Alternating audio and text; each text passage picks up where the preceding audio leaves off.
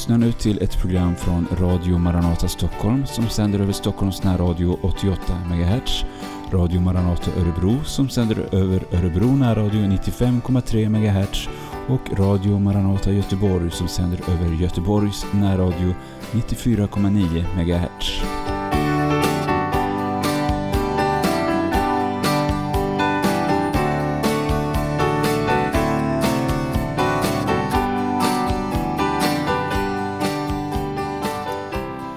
Varmt välkommen då till en timme med Radio Maranata och eh, vi är samlade, en grupp här i vår, eh, ska vi kalla det internetstudio. Sitter och spelar in det här eh, över internet och eh, i Sverige, i Långshyttan, där har vi Hans Lindelöv. Örebro, där har vi Pelle Lind och så har vi i Rumänien Paulus Eliasson. Och själv sitter jag, Sebastian Medén, i Dominikanska republiken i Palavia. Den gångna veckan så har vi varit med om, jag vet inte, extrema händelser runt om i världen. Och eh, under min livstid i alla fall, och flera äldre som har sagt till mig också att de har aldrig varit med om dess like. Gräns på gräns har stängts och så vidare. Eh, ekonomin går på knäna. Eh, jag vet inte, jag tror inte jag behöver säga allt det här för jag tror att varje lyssnare mer eller mindre har upplevt detsamma. Eh, men Pelle, du sitter i Örebro i Sverige. Du kanske kan berätta lite grann om hur situationen är där du är. Eh, ja, hej alla. Eh, ja, det är ju som, som överallt annars i landet att det finns en väldig oro. Regeringen gick i morse ut och presenterade ett stödpaket på 300 miljarder eh, för eh, de eh, företag och, andra då som, som drabbas hårt, anställda och så vidare. Så det är en väldig oro. Man ser också att, att folk hamstrar olika livsmedel och, och, och så. Så att eh, vi har också fått rapporter från, talat med en i Polen idag, det är samma sak där, man stänger sina gränser eh, för alla utom då eh, godstransporter. Jag har fått samma rapport från Baltikum också då. Så att det är en besvärlig situation och, och oron är stor. Jag lämnar mm. över. Ja, precis. Eh, Hans, upplever du detsamma uppe i Långshyttan? Det är lite mer på landet vet jag, men det är fortfarande i Sverige. Jo, vi följer ju, man får ju dag efter dag här höra, alltså det är ju bara det att eh, statsministern, regeringen går ut här eh, var och varannan dag med en presskonferens eller Folkhälsomyndigheten då jag tror att Folkhälsomyndigheten alldeles nyss har avslutat en presskonferens. Det har ju stegrats då de här senaste veck, två veckorna kan man väl säga. Va? Från att det varit för oss lite avlägset. Nu har vi alltså eh, långt över tusen som drabbats. Uh, smittats av detta virus och sex har avlidit. Uh, positivt är väl också att en del återhämtar sig. Det finns ju faktiskt länder i världen där det finns en hel del som har smittats, inga som har avlidit. Men rätt många har återhämtat sig. Ja, situationen i Sverige och ja, det är väl ingen som har kunnat undgå att märka vad som händer. Så. Men Rumänien då? Kanske intressant för oss i Norden och i Karibien att få höra hur det går där, Paulus? Ja, här i Rumänien så är det, om eh, jag har de senaste uppdaterade nyheterna nu, så är det 123 stycken som är infekterade. Det är inte så många som, som i eh, många andra länder, men eh, landet är ändå en knytpunkt i, i Europa och det är väldigt, väldigt många rumäner som är i utlandet. Bland annat i Italien är det en och en halv miljon rumäner. Eh, det låter otroligt men så är det faktiskt. Och eh, Många av dem har försökt komma sig hem och de är satta i både frivillig karantän och i karant de som är misstänkta för sjukdom har satt sig i eh, ja, på någon motell som är bevakade av polisen. Och, eh, det är en hel del saker som når nyheterna här. en av de senaste var faktiskt som blev smittad, som konstaterades smittad är faktiskt en man som kommer från eh, Norge. Alltså han var rumän men han, var på resa, han blev smittad i Norge. Och i Norge så är situationen också ganska allvarlig och, och får inte saker och ting under kontroll. Men eh, Rumänien har från idag gått in i en, eh, eh de kallar det för urgency state, eh, nödsituation, eh, som gör att eh, staten eller regeringen får utvidgade mandat att omfördela ekonomi och göra vissa politiska och också eh, polisiära och praktiska eh, vidtaganden. Så det är situationen här i Rumänien just nu. Vi, eh, vi märker det ju folk går runt med eh, bind för munnen och de går runt med eh, handskar och jag var för att göra en del, eh, skriva något kontrakt med, med en som bor, som bor i en av våra hus, ett av våra hus idag och var till en notarius publicus och där var det satt alla med bind för munnen och med handskar och jag fick skriva under på att jag inte hade varit i utlandet, att jag inte kände mig sjuk och allt möjligt sånt. Så det är, det är en viss eh, krissituation här och saker och ting har satts på paus. Jag såg på din Facebook-sida Paulus att eh, du skrev på rumänska då men som jag förstod det så eh, har ni ställt in möten och så.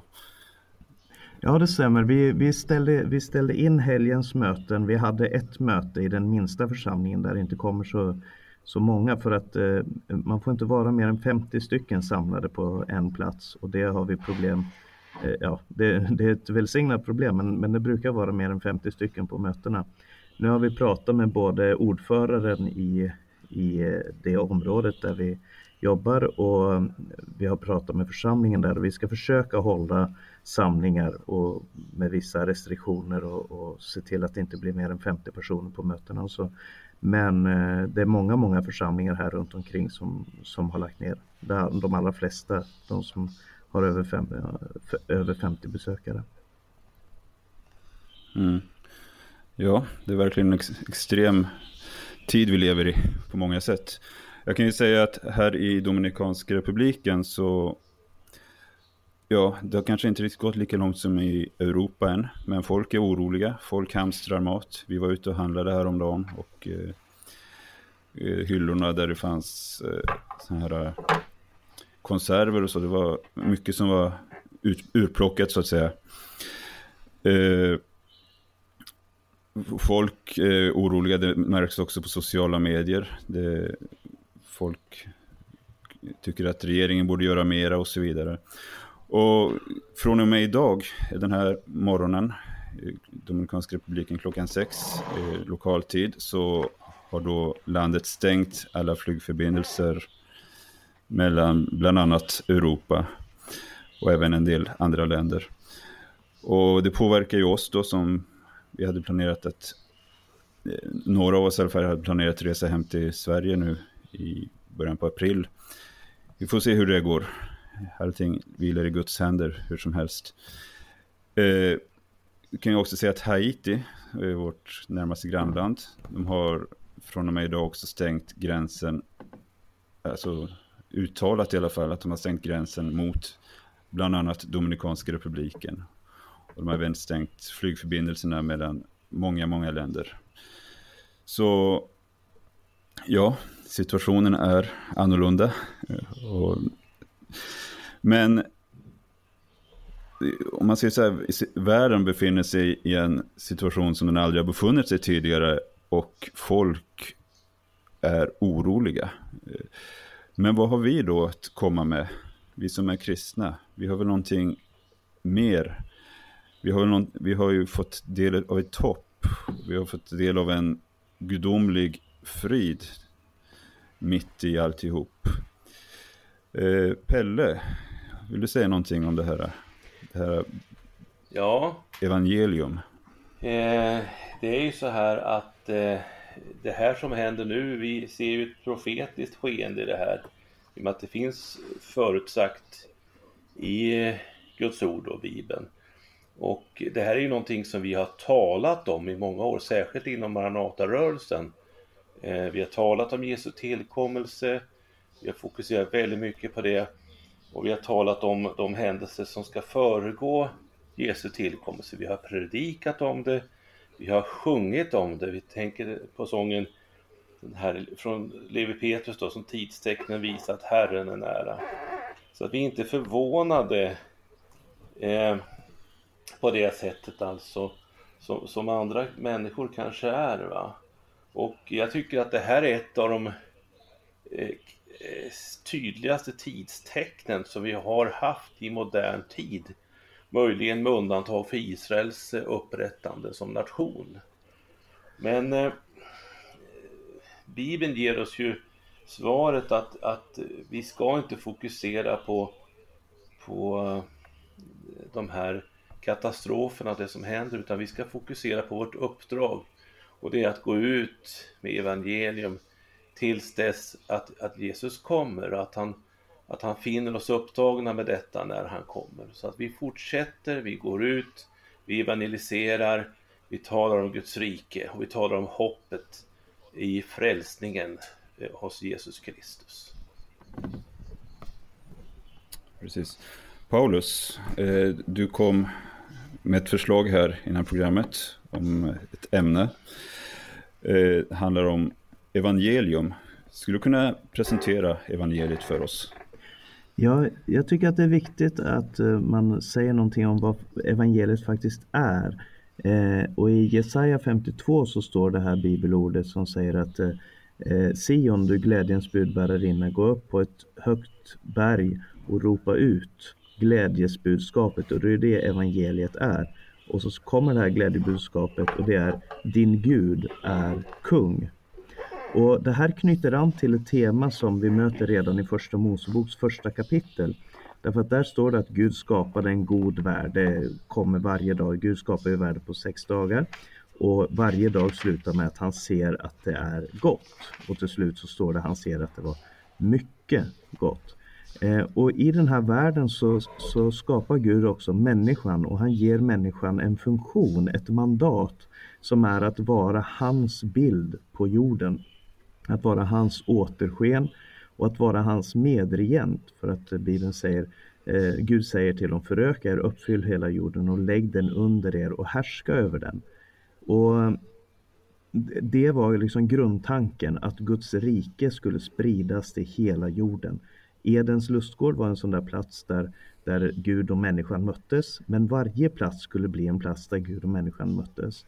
Men Adam och Eva, som den här berömda historien säger, valde att själva eh, bestämma vad som var gott och ont. De ville skapa en värld utan Gud, där Gud inte eh, var deras eh, regent utan de skulle vara helt autonoma, självständiga. Eh, och det har resulterat i det som vi ser idag med ondska och hat och motvilja. Och, eh, där man går emot det som är grundtanken hos Gud, nämligen kärleken. Eh, första budet säger du ska älska Herren Gud av allt ditt hjärta, all din själ, all din kraft och förstånd. Och det nästa budet som är lika stort som en del av det här det är att du ska älska din nästa som dig själv. Och där har vi felat och felar vi hela tiden. Vi syndar och går emot det här.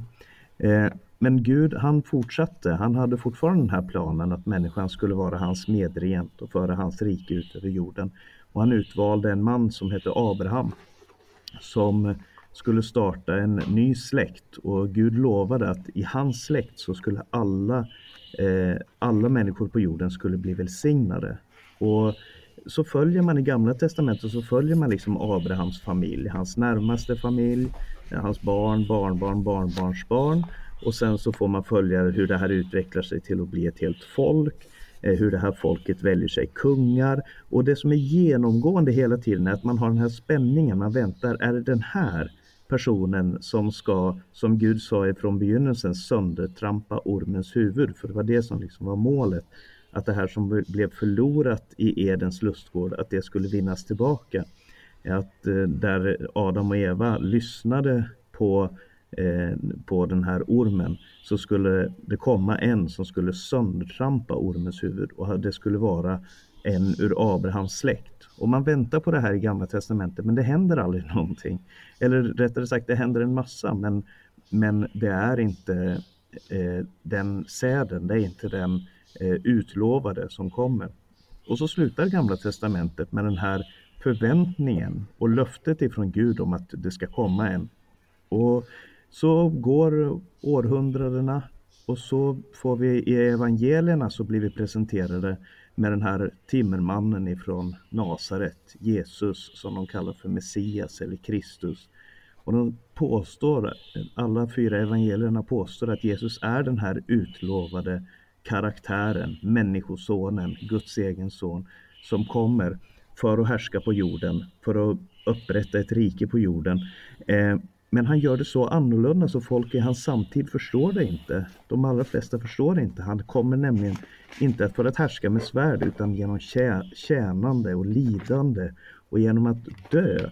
Genom att visa Guds kärlek till människorna eh, så, så, så dör han. Han, han dör och, och, och eh, det här eh, döden och, och det som följer därefter det blir eh, en så stor och omvältande eh, händelse så att evangelisterna och apostlarna de, eh, under årtiondena som följer så skriver de brev, de skriver sina epistlar, de skriver sina evangelier för att förklara vad det är som hänt. Och det de förklarar är Jesus, han var Messias. Han blev krönt som Herre vid korsfästelsen, vid uppståndelsen och himmelsfärden. Och så är frågan, hur är det här relevant? Hur är det relevant om han nu har blivit Herre? Hur är det relevant för oss? Jo, säger Bibeln, genom att tro på honom, alltså att överlämna sitt liv till honom, så blir man en del av Jesusfamiljen och man får ett nytt liv. Man blir en del av det här som Gud lovade Adam och Eva, som han lovade Abraham, som han lovade kung David. Eh, man blir en del av ett nytt liv och det är ett liv som ser bortom döden och det är det som ger en sån stark trygghet i, i tiden eh, när man har ett liv som man ser fram emot och som Pelle nämnde här, Jesus kommer snart. Det är, det är vårt hopp. Och, och, om vi ska gå igenom döden på det ena eller andra sättet eller om vi ska se honom på, på skyarna med, eh, innan vi dör, det vet bara Gud. Men, men vi, vi har det här hoppet levande i oss. Det finns någonting bortom dörren och det skapar en helt ny karaktär på livet. Amen. Vi ser som sagt hur världen på ett sätt står i lågor. Eh, vi kan ju läsa om det här i Bibeln, hur eh, det finns de här eh, bibelord. Eh, I Matteus till exempel 24 står det om hur folket ska stå rådlösa. Alltså inför havets och vågornas dån. Eh, det är ju väldigt specifikt handlar om hav och vågor, men just den här rådlösheten som människorna står inför, eller hur människorna kanske känner en hopplöshet. De känner... Eh, Hans, du kanske vill säga någonting om hur det här evangeliet som Paulus nämnde om, hur ska vi alltså jag, jag tycker det? Paulus påminde om eh, någonting väldigt eh, väsentligt här då, där han citerar från profeten Jesaja, just det här ordet, stig upp på ett högt berg, Sion, du glädjens budbärarinna, häv upp din röst med kraft, Jerusalem, du glädjens budbärarinna. Det ska alltså finnas anledning att stiga upp, att ropa.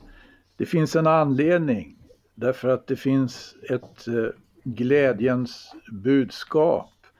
Det här är också eh, någonting som Jesaja visar att det finns, det finns även anledning enligt samma profet att göra vad som det står i Jesajas 62 kapitel. Det heter så här i vers 6 där. På, på dina murar Jerusalem har jag ställt väktare.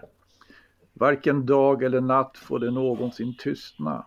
Ni som ska ropa till, till Herren, giv er ingen ro och ge honom ingen ro förrän han åter, åter har byggt upp Jerusalem och låtit det bli ett ämne till lovsång på jorden. Alltså det, när det heter åter bygga upp Jerusalem, då, då, betyder det alltså att Jerusalem har raserats. Det, det här är ju det som är så, man säger, sällsamt med evangelium. Att eh, när vi tar emot Jesus, när vi sätter tro till Gud genom, genom, genom Herren Jesus Kristus, får vi vara får, det vi erfar är att vi får del i det här uppbyggnadsverket som inte, som inte bara är geografiskt och historiskt begränsat. Utan Gud han har tankarna, han tänker ett Jerusalem som det heter också i det första apostlamötet i, i, i, i enligt Apostlagärningarnas femtonde kapitel där en av Herrens tjänare då påminner om en annan profetia det heter i Apostlagärningarna 15 kapitel 16. Därefter ska jag komma tillbaka och åter bygga upp Davids förfallna hydda. Ja, dess ruiner ska jag bygga upp och så upprätta den igen. För att och övriga människor ska söka Herren. Alla hedningar som har uppkallats efter mitt namn. Så säger Herren han som ska göra detta så som han också förut har vetat det förut av evighet. När allting rasar och till och med, alltså, eh, ja, kanske särskilt i religiösa sammanhangen, så är det trots allt så att det finns en levande Gud som är full färd med ett uppbyggnadsarbete och det ämnar han fullborda. Och det är det här som också, alltså det, det handlar om eh, tron, hoppet och kärleken som eh, som, den, som, som just den levande guden inspirerar till genom, genom evangelium. Mitt i tider av katastrof, nöd, vedermöda så finns det trots allt ett hopp. Är det kanske så också, jag tänker på mitt i tider av katastrof och vedermöda som du säger här, att människan blir mer mottaglig för evangelium. Det kan ju vara så. Ja, Hans, varsågod. Nej, Pelle, varsågod. Ja, eh, jag tror att, att eh, många människor eh, ser det här som ett, ett eh, tecken att vända om och eh, jag tror att, att eh, många kristna också liksom ser det här som sker idag och och hur det mer och mer komprimeras emot Jesu tillkommelse. Men jag tror också att vi har en stor skara människor som kommer liksom att förhärda sina hjärtan också, att man, man tar inte emot vad som än händer så, så, så låter man det liksom rinna av sig ungefär som att hälla vatten på en gås. Och det är den stora sorgen här, att man inte tar emot evangeliet, man tar inte emot det hopp om frälsning som, som den som, har, som är frälst har. Va? Det är hoppet med Jesus Kristus. Och jag tänker på det här eh, som, som Paulus skriver till Thessalonikerna att, att eh, jag kan läsa till faktiskt. Eh, Ty Herren själv ska stiga ner från himlen och ett maktbud ska ljuda, en överängesröst och en Guds basun. Och sedan ska först de i Kristus döda uppstå och sedan ska vi som då ännu leva har lämnats kvar bliva jämte dem bortryckta på skyar upp i luften, Herren till mötes. Och så skola vi alltid få vara hos Herren, så trösta nu varandra med dessa ord. Det är ju vårt eviga hopp, vårt saliga hopp. Och eh, därför tröstar vi, där har vi vår, så att säga, vagga i tron, så att säga. Så det är ett oerhört stöd att veta att, att eh, Just det som Jesus säger, den som tror på mig, han ska leva om han än dör. Amen. Jag tänker på ett eh, bibelord i Johannes, jag har, jag har, inte uppslaget här nu, men Johannes 14, där det står att eh, om en frid. Eh, ska se här om jag kan få fram det här. Det står Min frid ger jag er. Fram... Ja, precis. Det är Johan... Min frid Johannes, Johannes evangeliets 14 kapitel. Det heter så här då, du tänker på det. I, ifrån början talar han om att inte hjärtna ska vara oroliga. Ja. Och mm. eh, så lite, läng lite längre fram där, ja, vers 27. Frid lämnar jag efter mig åt er. Min frid ger jag er. Ja. Inte det som världen ger. Låt inte era hjärtan oroas tappa inte modet. Nej, ser, mitt i, mitt i allt detta som sker, mitt i all den oro, den rådlöshet som vi ser växer fram i världen idag, så finns det något gudomligt, finns någonting övernaturligt som vi kan få del av. En frid. Och det, det handlar om att vi har fått, hur ska vi säga, vi har, han har ställt våra fötter på en fast klippa. Vi ser hur världen runt omkring oss, den skakar. Vi ser hur allting verkligen... Det, står ett, finns ett annat bibelord, alltså, jag vet inte om jag citerar rätt nu, men allt som kan skakas ska skakas ungefär. Ja, i Hebreerbrevet. Ja. Men medan vi står på en klippa, evigheten. Ja. Eh, då ska vi ta och lyssna till en sång nu så ska vi fortsätta sedan. Jag lyfter mina ögon upp till bergen Varifrån kommer min hjälp? Min hjälp den kommer ifrån Herren Han som har skapat himmel och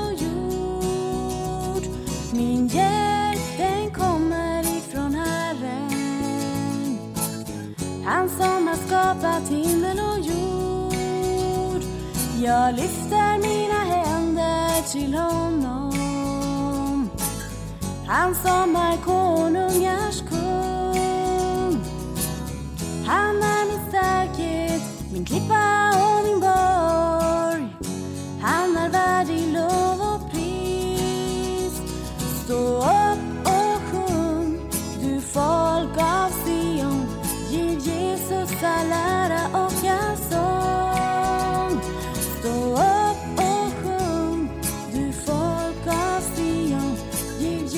Jesus all ära och all sång. Med upplyfta händer vill vi prisa dig. Du som är vår bäste vän. Jag lyfter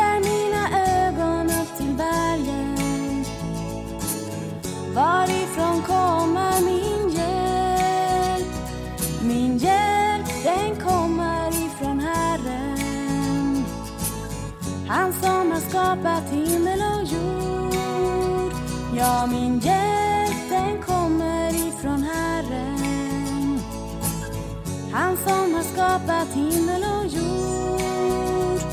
Jag lyfter mina händer till honom. Han som är konungars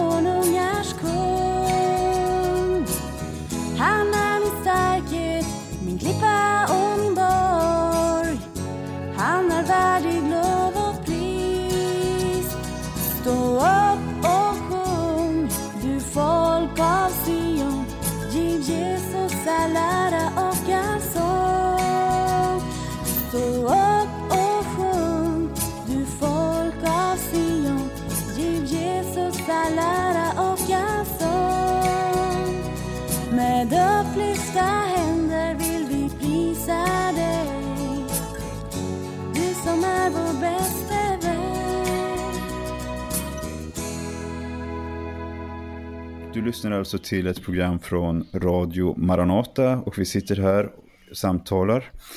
Det är mycket som händer runt om i vår värld och vi vill fokusera på evangelium. Och du lyssnar alltså till Radio Maranata som sänder över Stockholms närradio, Örebro närradio samt Göteborgs närradio. Paulus Eliasson, jag överlämnar ordet till dig. Ja, jag satt och läste Bibeln här eh, innan helgen och eh, det, var, det är otroligt hur många ord som, och hur många texter som talar till en i en nödsituation. När man har det svårt, när, när eh, sådana här, eh, ja som situationen nu med, med viruset som går över, över jorden. och man får fundera, anledning att fundera över eh, sitt eget liv, över framtiden och så vidare. Och då, då är Bibeln en källa eh, på många sätt och bland annat därför att jag tror att eh, författarna upplevde väldigt mycket av detsamma. Eh, bland annat aposteln Paulus som vi har nämnt tidigare här. Eh, han har skrivit ett helt brev, det andra Korinthierbrevet som är en slags försvarsskrift eh, människor anklagade honom för att vara eh, falsk, för att vara eh, ja, för att inte vara en äkta apostel. Och en av anklagelsepunkterna, eller ett av bevisen för att Paulus inte var någon riktig apostel, det var det här att han, eh, han var så svag. Han var så utsatt för, för nöd och svårigheter och, och eh, hela tiden verkade det som att han Ja, som de sa då, att han var straffad av Gud. Att han upplevde nöd för att Gud liksom skulle på något sätt eh, tala om för Paulus att nu, nu är du fel ute. Eh, han, han, var så, han var så väldigt svag jämfört med de som han själv kallar för superapostlarna. Och det här tar han tag i i början av sitt eh, brev. Och i det fjärde kapitlet där så läste jag, och den här texten talade jag också över i, i under eh, mötet i söndags. Eh, där står det Men denna skatt har vi i lerkärl för att den väldiga kraften ska vara Guds och inte komma från oss. Och det fick mig att tänka på en predikan som Yngve Stenfeldt, vår danske, eh, svensk-danske broder, eh, han predikade över den här texten en gång och sa att det är väldigt ofta som vi fokuserar på det här lerkärlet och vi tänker, åh stackars lerkärl och det är så svagt och det är så bräckligt och det är så, eh, jag tänker ändå, och, men fokuset här är den här skatten som vi har i lerkärlet. Eh, och anledningen till att skatten är lagd i ett lerkärl är för att kraften ska vara Guds och inte vår. Och skatten som vi har, det, det är kunskapen om Guds härlighet. Det står i versen innan kunskapen om Guds härlighet som strålar från Kristi ansikte. Eh, det är kunskapen, det är evangeliet om, om Guds rike, det är evangeliet om Jesu Kristi uppståndelse och hoppet som finns i det. Det, det har lagts ner i enkla, enkla lerkärl. Och vi känner nog var och en att vi är väldigt bräckliga i en sån här situation som som går över vår värld nu. Man känner att man, man har inget försvar, man har ingenting att ställa upp med. Man kan låsa sig inne men hur länge man kan försöka isolera sig men oavsett så uppenbarar en sån här tid uppenbarar människans svaghet. Och Paulus han, han säger så här, vi bär Jesu död i vår kropp. Det, det är hans sätt att uttrycka sig. Vi är förföljda, vi är trängda, vi är rådvilla, vi är nedslagna. Han säger, men han säger vi är trängda, men vi är inte instängda. Vi är rådvilla, men vi är inte rådlösa. Vi är förföljda, men inte övergivna. Vi är nedslagna, men inte utslagna. Han är lite som en, jag använder den här bilden av en boxare som, som har gått ner, som är nedslagen och domaren håller på att räkna ner från 10.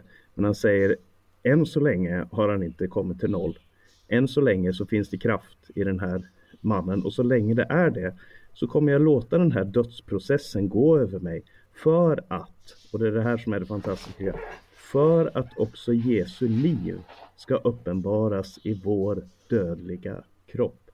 Han, han vill att det här livet ska spridas vidare. Nåden ska spridas vidare till andra. Och det kommer inte ske genom några robotar. Det kommer inte ske genom supermänniskor.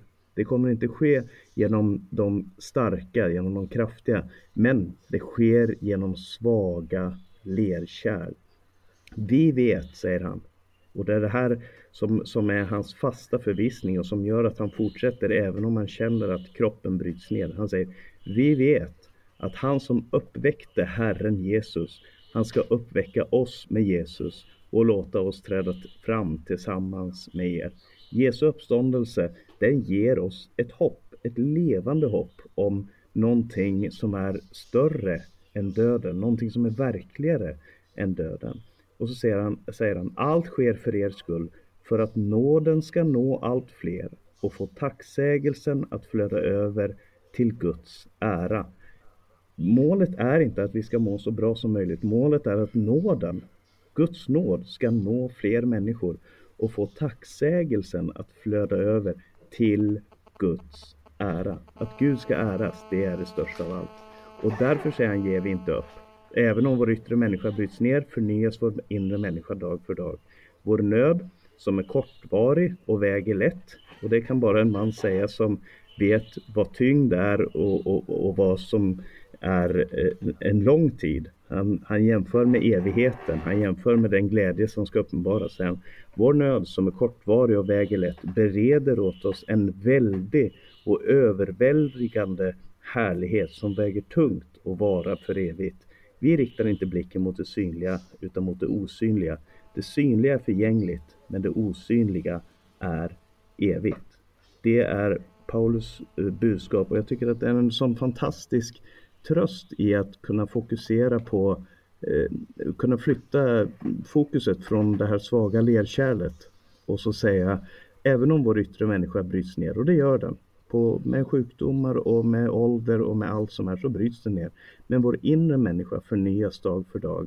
Vi, vi kommer närmare och närmare Jesu tillkommelse. Vi kommer närmare och närmare förlösningen eh, ifrån den här nöden.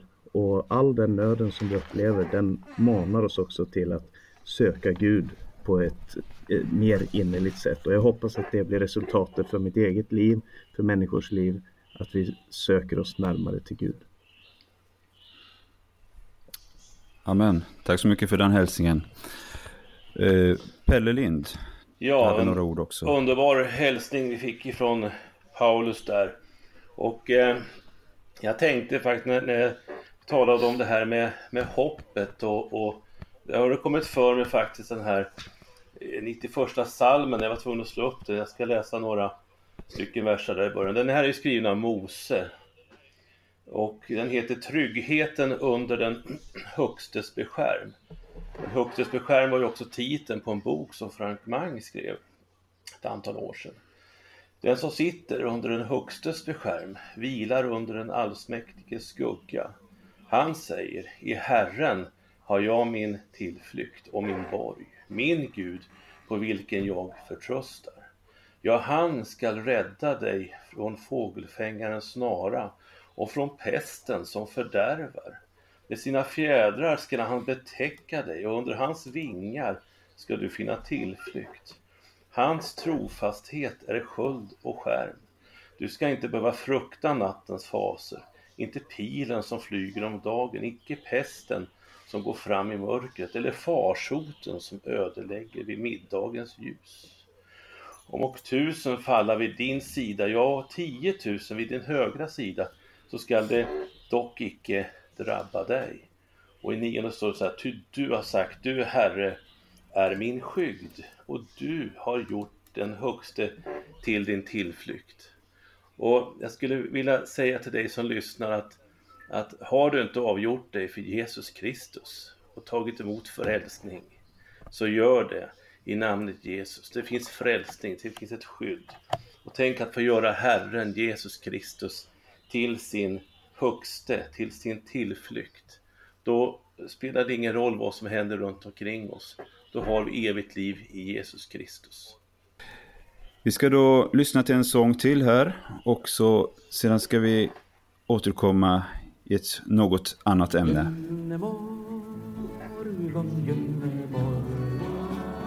Sista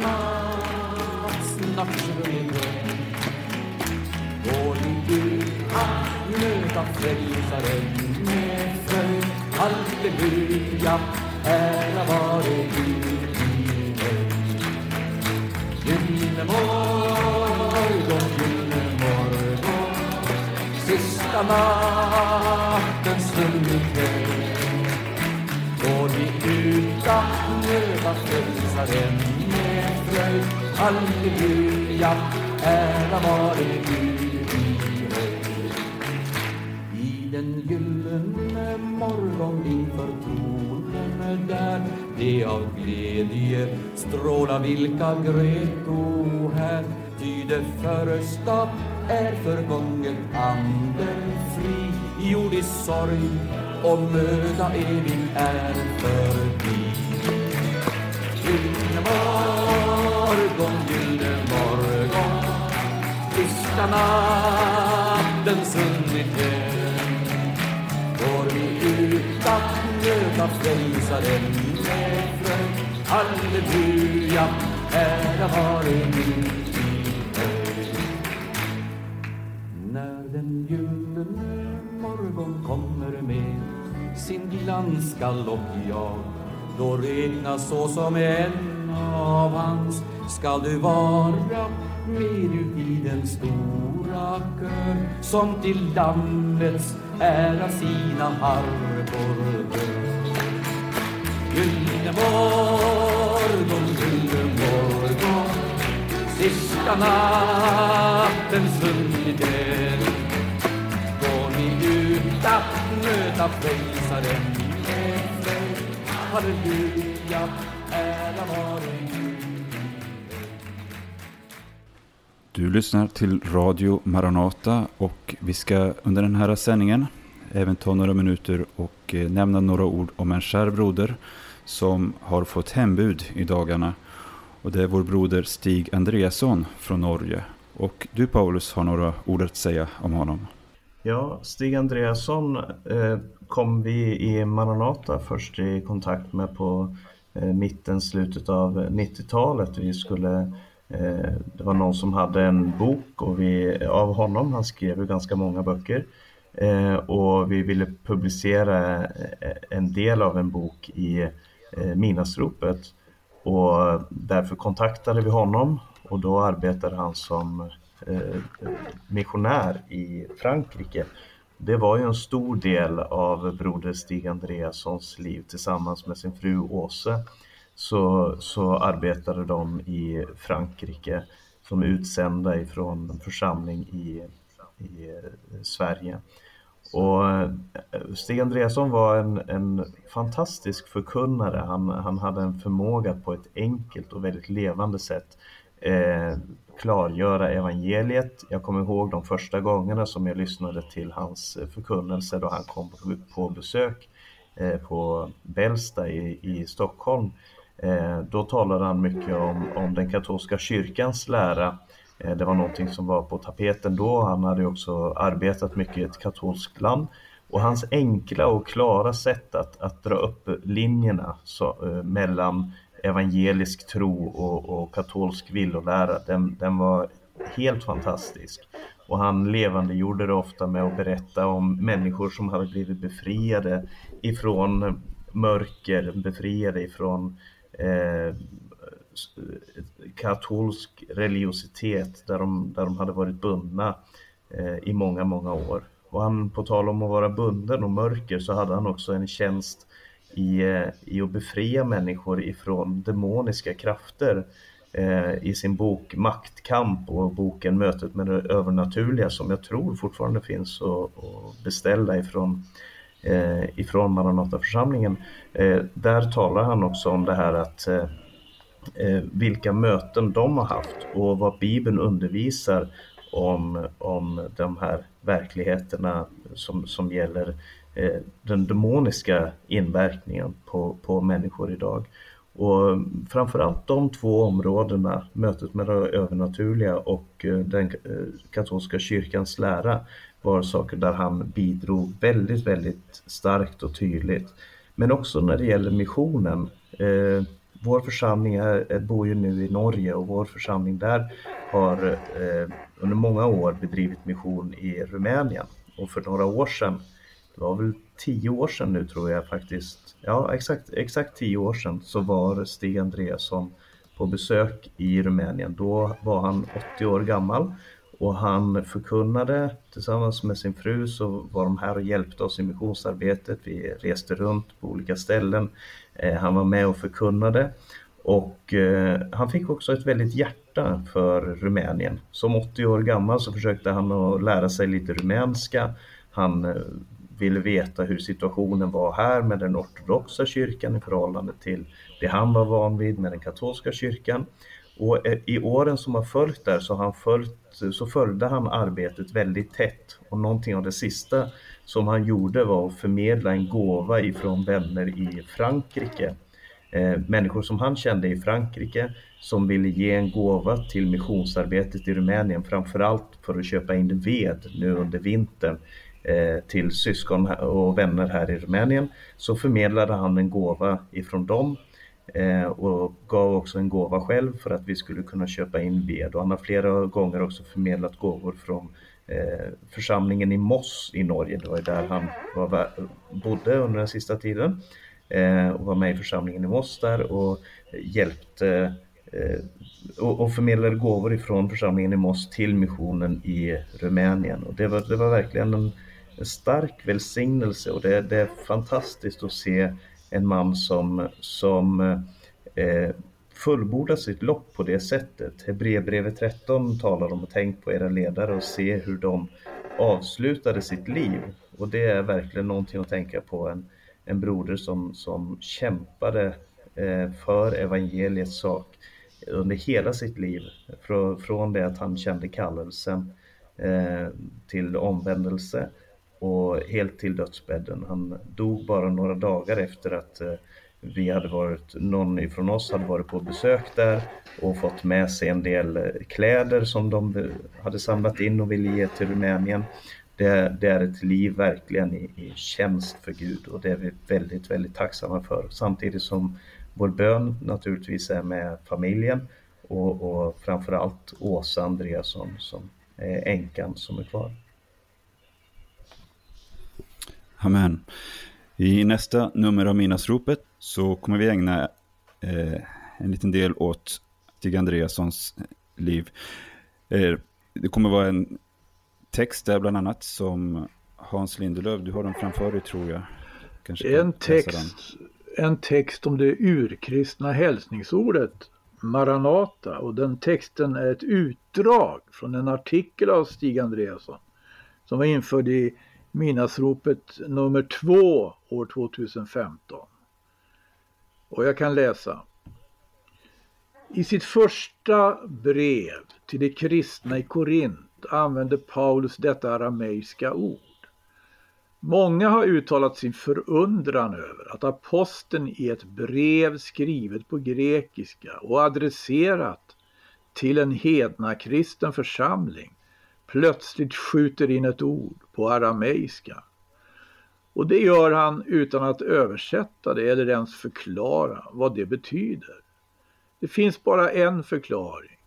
Det arameiska ordet maranata var tydligen lika känt bland de kristna som vissa andra hebreiska uttryck som till exempel amen eller hosianna eller lovprisningsordet halleluja.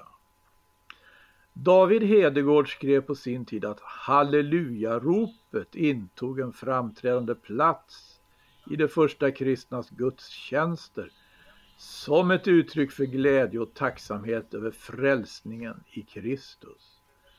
Vad gäller ordet maranata så kan det antingen skrivas maranata som två ord och betyder då du, vår Herre kom eller också som två ord maran, ata. Och då blir betydelsen Herren kommer. Det handlar alltså både om en bekännelse av tron på Jesu återkomst och om en bön att denna måtte ske, eh, underförstått snart. Somliga menar att Maranata blev ett slags hälsningsord kristna emellan.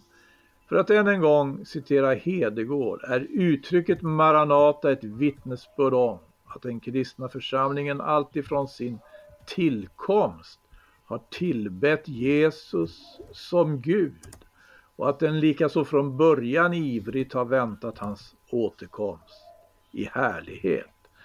Det är då knappast tänkbart att de första kristna hade utarbetat vidlyftiga teorier om speciella händelser som måste inträffa innan Jesu återkomst kunde förväntas. De levde snarare i en innerlig förväntan på denna stora händelse. De visste ingenting om tid och stund, men de trodde förvisso att den kunde inträffa när som helst.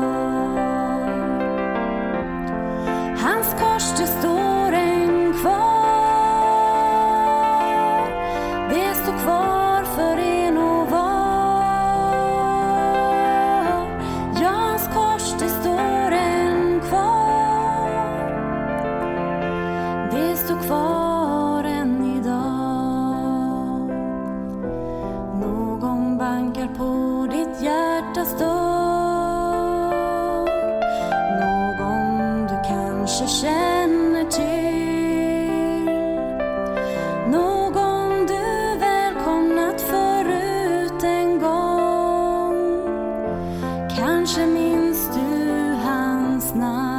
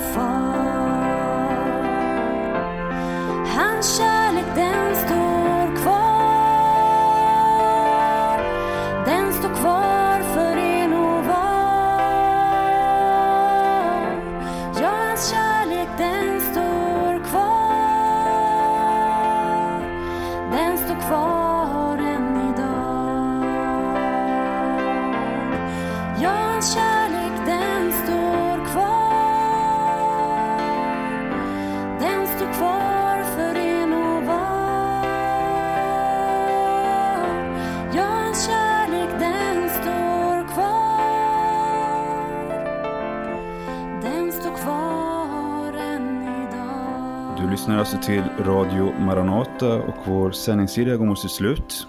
Eh, får en hälsning här kort av Pelle Lind. Varsågod. Ja, kära lyssnare. Vi är tacksamma att vi på det här sättet kan få nå ut med budskapet om evangelium, budskapet om Jesus Kristus. Som är vår tillflykt, som är den fasta klippan i alla tider och särskilt i dessa tider. Och jag har bara en sluthälsning och det är det som citerades tidigare i programmet här från Johannes 14 och 1. Där står det så här. Edra hjärtan, var icke oroliga. Tro på Gud, tro också på mig. Och det är Jesus Kristus själv som, som sänder den hälsningen. Tack. Amen. Paulus, har du någonting kort? Ja, jag vill bara säga det att det är mycket som vi har pratat om i det här programmet som kanske kan vara svårt att förstå. Framförallt om det är någon som lyssnar som inte är troende, som inte är kristen. Och du har säkert en massa, massa invändningar om saker och ting som vi har sagt. För att vi har i det här programmet stort sett utgått ifrån att man är troende, att man är kristen och att man är enig i att Bibeln är Guds ord och så. Om, om du har några mer grundläggande frågor, varför ska jag tro att Bibeln är Guds ord överhuvudtaget? Varför ska jag lita på att Jesus ens har existerat? Varför ska jag eh, eh sätta min tro till någonting som blev skrivet för mer än 2000 år sedan och så vidare. Så kontakta oss, gör gärna det. Vi är, vi är väldigt ivriga och, och, glada för att få den typen av, av frågor. Och, och, vi skulle gärna vilja komma i kontakt med, med dig som, som har frågor om den kristna tron eller som är orolig inför det här. Om du är, och det kan vara kristna också, om du är orolig inför det som går över världen nu, sök dig till kristna syskon. Eh, prata med, med eh, de som leder församlingen där som du är och prata med människor som, som är väl bevandrade i skriften. Och du ska se att eh, skriften det är, det är en, en källa till ro och fred och det är också en källa till eh, kall till omvändelse och det är det vi önskar att förmedla här. Både ett budskap om fred i Jesus Kristus och ro eh, och en kallelse till omvändelse för den som ännu inte känner honom. Så så ta det här allvarligt, ta den här tiden och situationen allvarligt och sök Jesus, sök mer information om det här och eh, öppna ditt hjärta för budskapet. Det vill vi verkligen uppmana dig till. Amen. Hans, har du något du vill förmedla slutet här?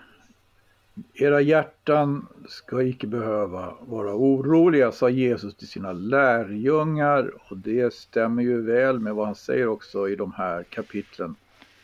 Då han talar just om eh, den yttersta tiden. Han, vi kan, just Matteus evangelium, exempelvis 24 kapitlet, han säger folk ska resa sig upp mot folk och rike mot rike.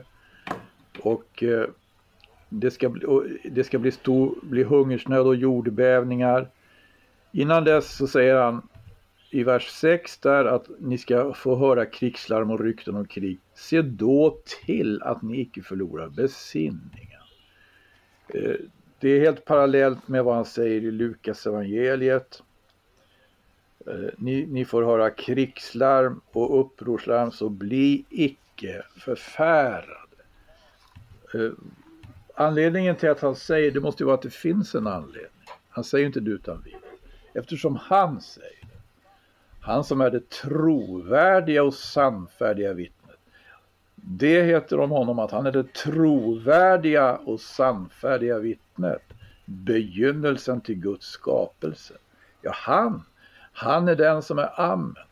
Eftersom han säger det, därför finns anledning, därför finns orsak att inte att inte förlora besinningen. Vi måste eh, se till att vi gör vad vi också rekommenderas att göra av en apostel omgjord av vårt sinnes länder apostel och en profet. Jesaja nu uttrycker sig på, på så här sätt i tredje versen i 26 kapitel i Jesajas bok. Den som är fast i sitt sinne bevarar du i frid. I frid, ty på dig förtröstar han. Förtrösta då på Herren till evig tid. Till Herren, Herren är en evig klippa. Amen. Amen. Då vill jag bara läsa ett par verser här innan vi går ur sändningen och det är från andra Korinthierbrevet kapitel 6 där det står så här Som Guds medarbetare uppmanar vi er också att ta emot Guds nåd så att den blir till nytta han säger ju, jag bönhör dig i nådens tid. Jag hjälper dig på frälsningens dag. Nu är den rätta tiden. Nu är frälsningens dag. Vi kan se hur allting ställs på huvudet, rätt sagt, i världen.